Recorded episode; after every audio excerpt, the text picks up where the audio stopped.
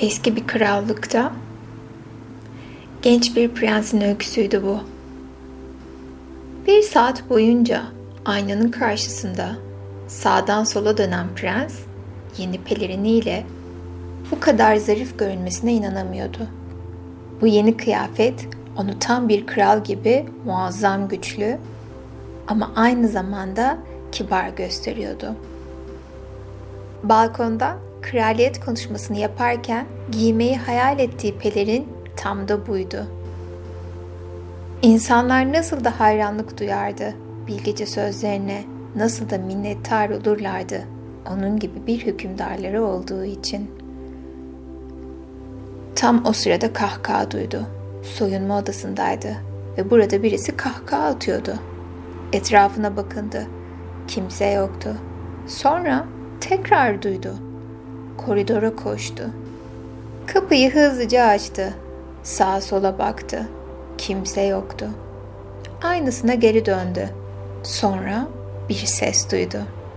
Sola dön, sağa dön. İstediğin halkın seni onurlandırması, sevmesiyle tamamen yanlış yönlere bakıyorsun. Yanlış sorulara yanlış cevaplar arıyorsun. Prens odanın içine baktı.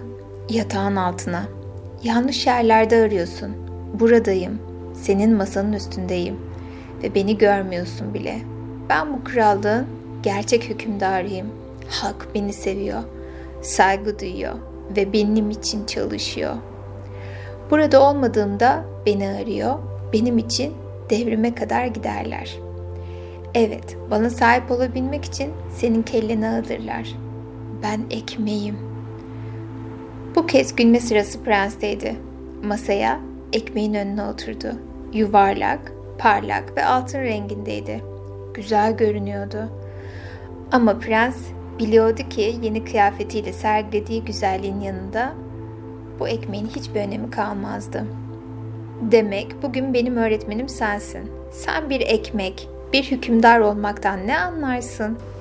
Sen yenilmekten başka ne bilirsin ki? Ekmek.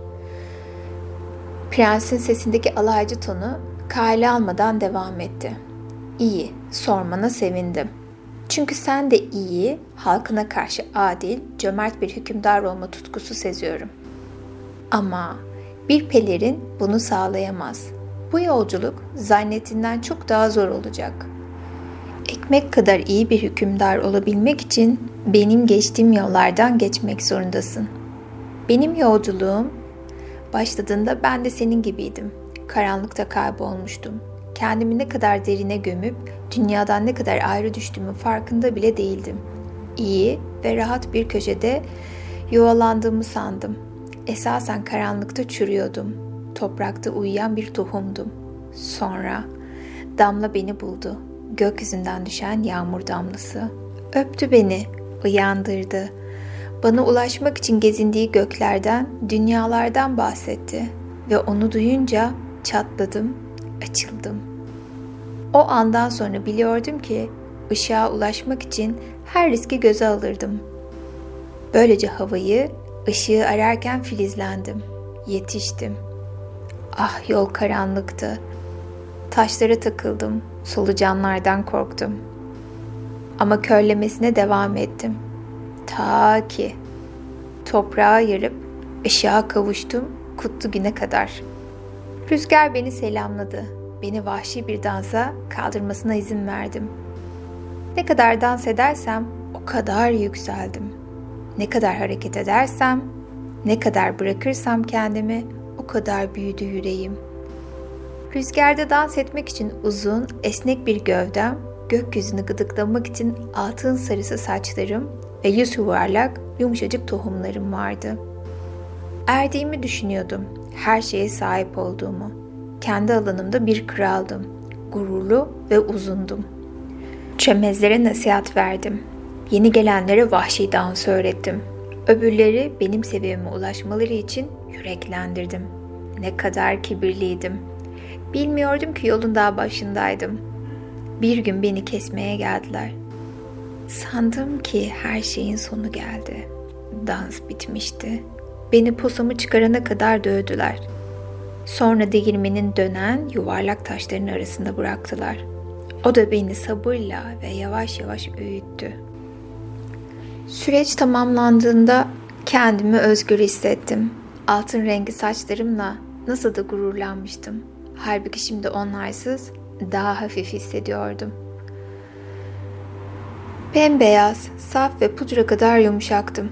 Artık un olmuştum ve su geldi. Bu onunla ikinci buluşmamdı ve beni yine dönüştürdü. Birlikte hamur olduk. Beni tuz ve maya ile yoğurdular.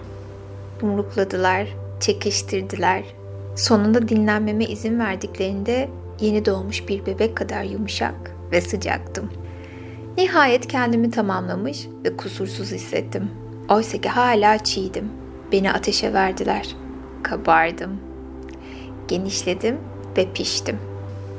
Tutunabildiğim ne kaldıysa hepsini en ufak zerresine kadar ateşe teslim ettim.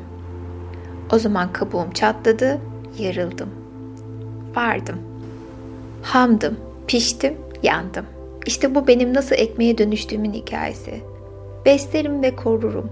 Kendimi hiçbir şeye saklamam. Kendimden her şeyi veririm.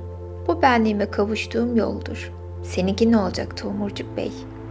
Sonraki gün prensin odasında yatağın üzerinde pelerinlerin bulunduğu yerde büyük bir heyecan vardı. Sipariş ettiği muazzam pelerini kendisiyle baş başaydı. Kral çok şaşırdı. Oğlu gösterişli kıyafetlerinin ardında bırakacak bir insan değildi. Odada eksik bir şey yoktu. Prens hariç. Kimse onu giderken görmemişti. Kral şaşkındı. Oğlunun heyecanla sipariş ettiği pelerinini nasıl bırakıp gittiğini anlamaya çalışıyordu. Fakat prens bulunamadı. Bazıları yola çıktığını söyledi.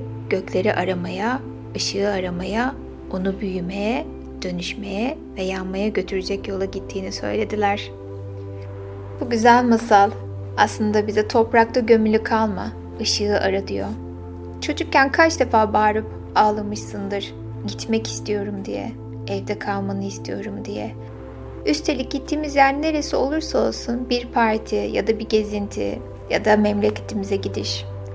Korunaklı evimizin kutsanmış kapı eşiğinde geçtiğimiz anda bir partiye bile gidiyor olsak risk alıp konfor alanımızı terk ediyoruz aslında. Tabii ki gitmem gereken yere ulaştıktan sonra bu defa da ayrılmak istemeyiz. Biraz daha kalabilmek için bazen ağlardık. Büyüdük ama ses hala orada. Daha kısık, uysal ve o kadar sessiz ki bazen onu duymuyorsun bile. Ve sezgilerinle karıştırıyorsun içindeki çocuğun ne istediğini. Ama o hala orada. Hala dışarı çıkmak isteyen aynı çocuk. En sevdiği cümle. Burada iyiyiz. Neden başka bir yere gidip başka bir şey yapalım ki? Onun içindeki en az hırslı olan ses olmasını seviyorum. Ama onu dinleseydim asla sınırlarımı aşmaz, büyümez, belki de sıkıntıdan ölürdüm. Değişim, ne uğraşacağım diyen kısık sese çünkü yaşıyorum demenle başlar. Hadi biraz risk al, yola çık. Seni konfer alanından uzaklaştıracak nelerdir? Bir liste yap, sonra çantanı hazırlayıp dışarıya doğru maceraya çık. Seni kendi koyduğun sınırların ötesine götürecek bir günlük yap.'' Bugün sen bir dönüşüm sihirbazı olsan ve mutfağında bir simyacı olsan ne yapmak isterdin? Belki de bugün ekmek yapma günüdür. Sabah uyandığında kendine ekmek yaparken bulabilirsin. Un, su, maya, tuz ve başka ekmek istediğin nefis malzemeler. Belki kuru üzüm, belki zeytin, belki haşhaş. Eğer daha önce hiç ekmek yapmadıysan tariflere bak ve birini seç. Ve buğdayı çiğden pişmişe, yanmıştan altın rengine, kıtırlığına giden en büyük dönüşüm yolculuğunu izle. Bu ruhun yolculuğudur. Konfor alanımızın dışına çıktığımızda kendimiz için yeni bir hikaye yaratıyoruz. Hayatın senin hikayen. Şimdi kendi hikayenin içine bir adım daha at. Baktığın şeyleri bakış açını değiştirdiğinde baktığın şeyler de değişir. Unutma. Hadi masal serimizde yeni bir taneyle devam edelim. Hikayeler bugün her yerde. Ağızdan kulağa uçuyor, yastıklarımızda uyuyor, uzun otobüs yolculuklarında aktarılıyor veya bir kitabın sayfaları arasında istirahat ediyorlar. Ama hep böyle değildi. Bir zamanlar dünyanın tüm masallarının toplanmış, katlanmış, tahta bir kutuya erişilmiş. Ahşap kutu, gök tanrının ofisinde, masasının hemen arkasında, yükselen rafların en tepesinde duruyordu. Kimsenin ama hiç kimsenin ona dokunmaya izni yoktu. İçini açıp bakmak falan mümkün değildi. Örümcek Anansi kutunun içindekileri çok merak ediyordu. Düşündü. Eğer o hikayeleri ele geçirirsem kör talihimi yenerim. Herkes benden bir masal dinlemeye gelir. Bana kulak verir. Anlattıkça yücelir. Kimsenin farkında olmadığı minnacık örümcek yerine koskocaman bir bilgi olurum. Bu hayal Anansi'nin çok hoşuna gitti. Hemen tırmanmaya başladı. Gök Tanrı'ya ulaştığında sordu. Şu arkanızdaki rafta yukarıda tahta tozlu bir kutu var. Onu almak istesem bana neye mal olur? O kutu mu? Onun fiyatı yüce gökyüzü kadar yüksektir. O tozlu dediğin ahşap kutuyu istiyorsan keçiyi tek hamlede yutabilmen, yılanın o niniyi, dişlerini hançer gibi keskin leopar osobuyu, zehirli iğnesi kızgın çuvaldızdan bile daha beter olan eşek arısı Mimoro'yu getirmen gerekir. Eğer başarırsan tüm masalların saklı olduğu kutu senindir.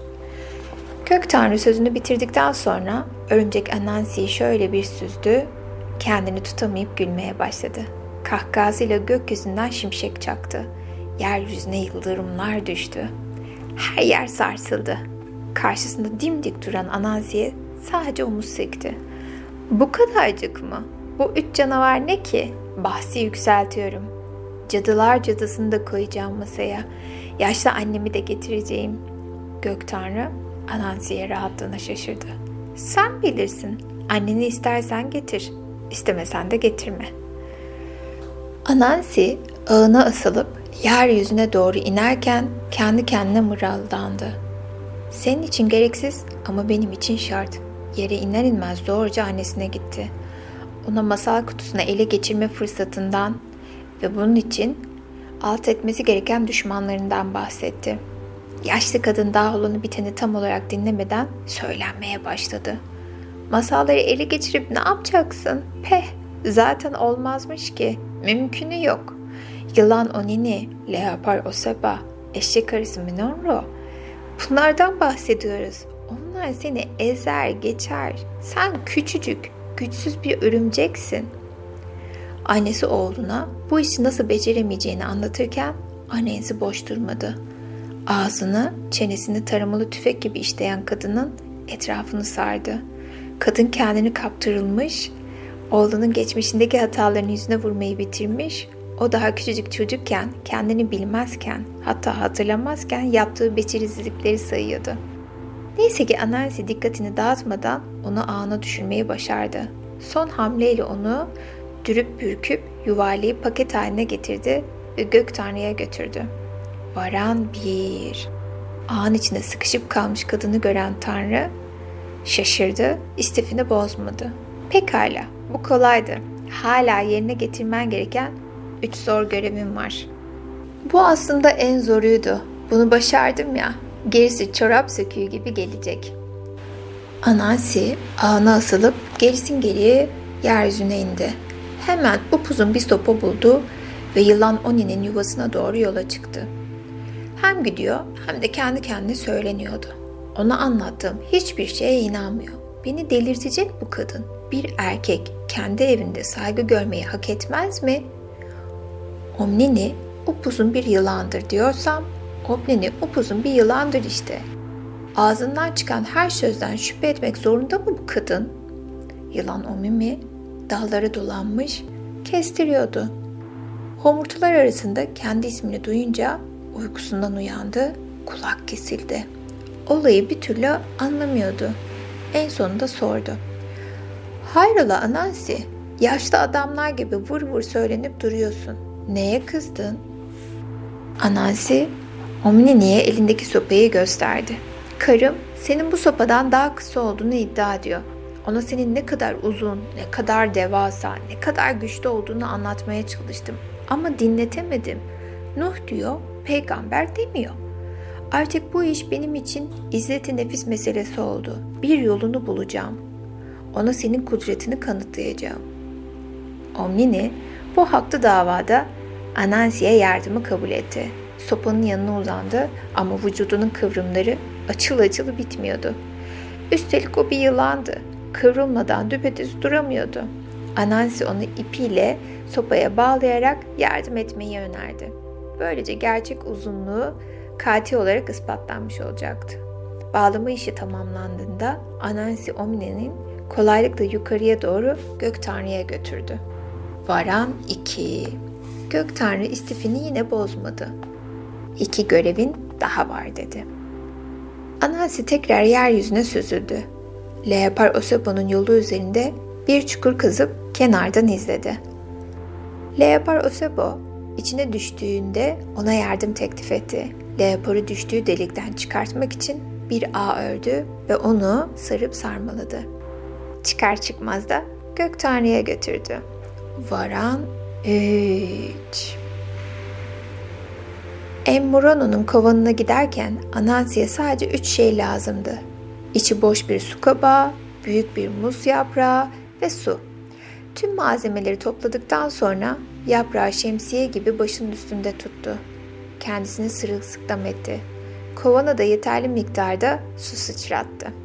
Avazı çıktığı kadar bağırdı. Yağmur geliyor, yağmur geliyor, kaçın, korunun, canınızı kurtarın. Büyük fırtına, sanki gök yarılmış, damlalar kafam kadar, kaçın, korunun, canınızı kurtarın. Eşek arıları panikle vızıldayarak kovandan çıktılar. Nasıl etsek, ne yapsak, nerelere gitsek? Büyük kurtarıcı Anansi onlara hemen bir çözüm sundu. Gelin şu kabağın içine girin. Ben üstünü yaprakla kapatır, ağımla da sağlamlaştırırım. Yağmur bitince de size haber veririm. Kovandaki tüm arılar panikle su kabağına saklandı. Annesi üzerine düşen görevi büyük bir hız ve ciddiyetle yerine getirdi. Kabağı ağıyla kaplar kaplamaz gök tanrıya götürdü. Masal kutusu artık Anansi'nin de. Anansi kutuyu yeryüzüne indirdi. Çok mutluydu. İçindekileri düşündükçe daha da heyecanlanıyordu. Onu kimsenin bulamayacağı bir yere saklamak gerekiyordu. Ama nereye? Tabii ki en yüksek Hindistan ceviz ağacının tepesine. Anansi tırmanmaya başladı. Yukarı, daha yukarı. Sırtındaki kutunun ağırlığı umrunda bile değildi. Çok hızlı gitmeliydi. Onu kimseler görmemeliydi. Kutunun yeryüze indiğini henüz kimse bilmemeliydi. Tırmandı yükseğe, daha yükseğe. Aşağıdan bir çocuk seslendi. Anansi, bu ne acele? Sırtındaki kutuda ne var? Seni hiç ilgilendirmeyen bir şey var. Benim, hepsi benim. Ben de görmek istiyorum. Peşinden tırmanıp geleceğim. Anansi çok sinirlendi. Geriye döndü. Aşağıda iyice küçücük görünen çocuğun gözlerinin içine baktı ve haykırdı. Gelemezsin, bakamazsın. Onlar benim hikayelerim, benim masallarım, benim kahramanlarım. Onlar bana ait. Anansi aşağı eğilince kutu da sırtından kaydı. Anansi'nin dengesi bozuldu. Gözü gibi sakladığı masal kutusuyla beraber ağaçtan düştü. Kutunun kapağı açıldı. İçinden kurtulan hikayeler etrafa saçıldı, havaya karıştı. O günden bugüne hikayeler havada uçuşur. Etrafımız masal, destan, efsane, fıkra, fikir ve nasihatle doludur. Tek yapmamız gereken elimizi uzatıp ip çeker gibi bir hikaye yakalamaktır. Soluduğumuz hava, sonsuz gökyüzü, sen, ben, hepimizin etrafı. Hikayelerle dolup taşar. Dur, bir nefes al, fark et. İlham her yerde. Peki bu masal bize ne anlattı? İlhamın gelmeyeceğini düşünme. Zaten her şey yapıldı. Bir sürü fikrim var ama başkaları onları kaptı ya da parlak fikirlerimi kimseye söylememeyi tercih ederim. Hele ki dünya duyurmayı hiç istemem. Çünkü birilerinin çalmasından korkarım. Kulağına tanıdık geliyor mu? Bu bir ilham kıtlığıdır. Fikirlerin kıt olduğuna, yeterince olmadıklarına ve fikirsiz kalacağından inanırlar. Ve bazı zamanlarda onları ortaya çıkartmaktan çok korkarız. Diğer herkes gibi uygulanabileceğinden çok daha fazla fikir üretme kabiliyetin olduğunu düşünmelisin. İhtiyaç duyduğunda her şey müthiş bir fikir değildi ama yavaşça onu geliştirdi ve yaratıcı olan tarafın bunu iyice açığa çıkarttı. Sadece kendine izin ver. Sen fikirler kanalısın. Özgün olduğunda neşeni bulursun. Yaratıcı borcunu kapat. Eskimiş fikirlerini ve bağlılıklarını bırak. Bedenin bilir, onu dinle. İlham göletini renkli deneyimlerinle doldur. Sonuca değil, sürece odaklan. Doğaçlama yap. Yan yollara sarp. Eğlen ve kendini bu güzelliğe ada. Hadi sonuncu masala geçelim. Evren atomlardan değil, hikayelerden oluşur. Bu masal iki hayalperesti anlatıyor.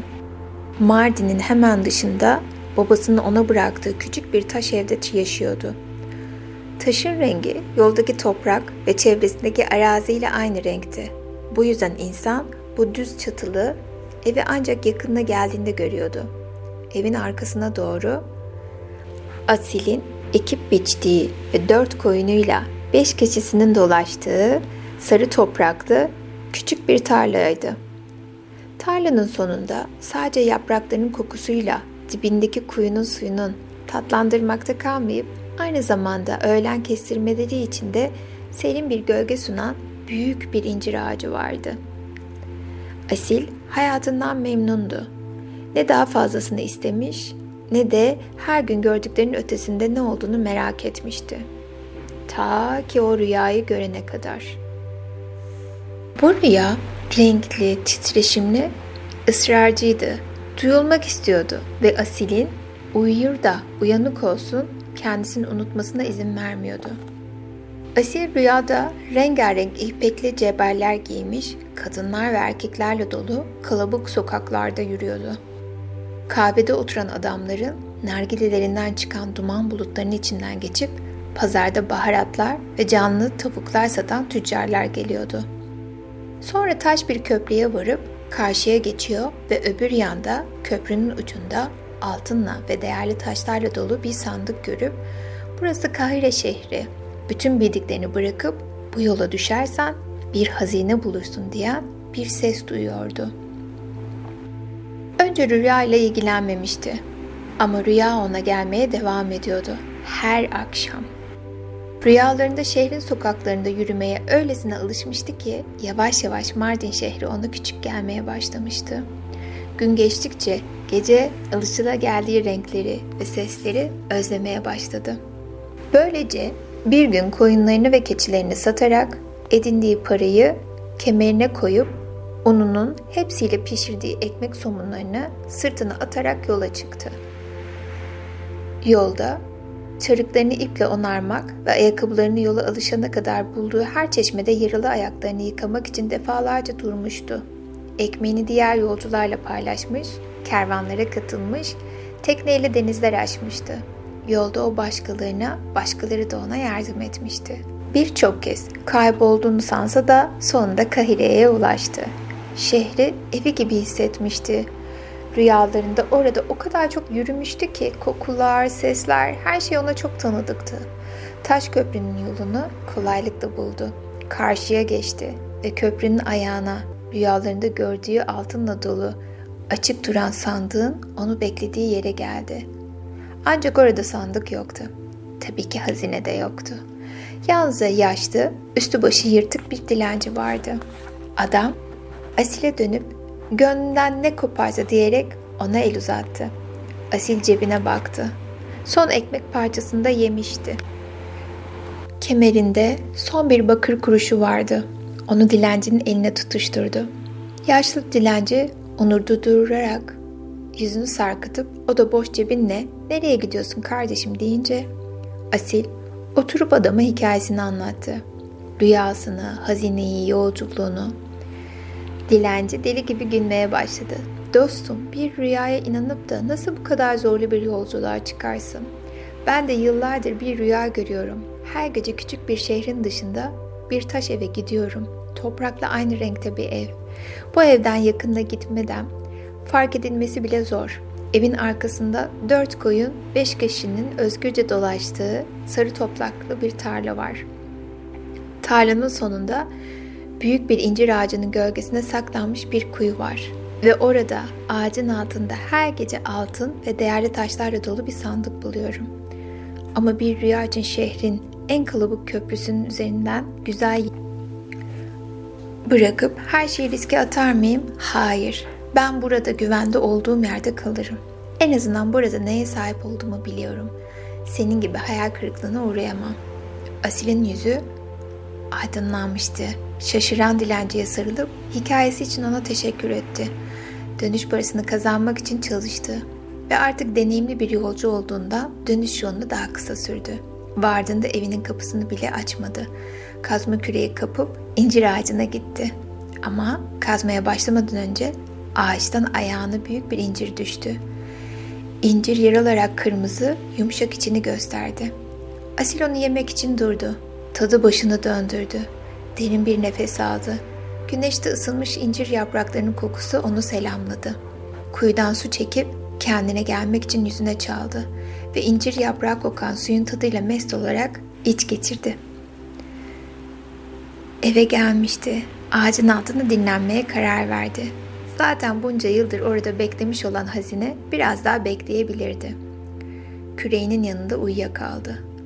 Masal, Asil'in bir hazine bulduğunu söyler ama kazıp kazmadığını, hazinenin ne olduğunu söylemez.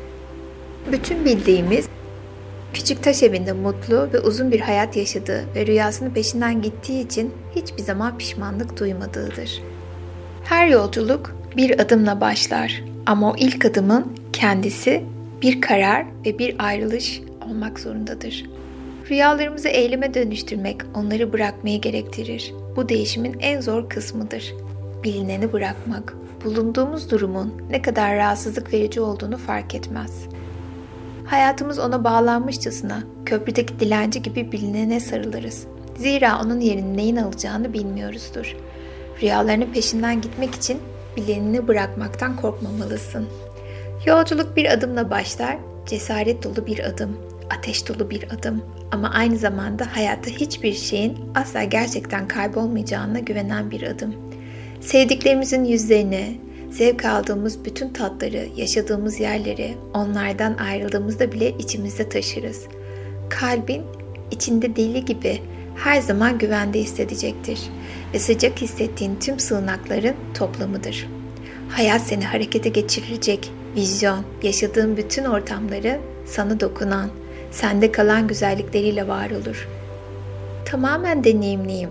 Minnet duyduğun hiçbir şeyi asla kaybedemezsin. O senin içsel tabiatının sonsuza dek kazanır. Hayatına tat verir ve kişisel rüyalarını şekillendirir. Sevdiğin birini ya da her şeyi asla kaybedemezsin. Çünkü aşkın enerjisi onu senin bir parçan yapar. İlk adımı atarken bile bunu bil ve buna güven. Şimdi güzel derin bir uykuya dalıyor ve sabahleyin uyandığında kendini hafiflemiş, dinlenmiş ve güne daha enerjik hissederek uyanıyorsun. Güzel uykular.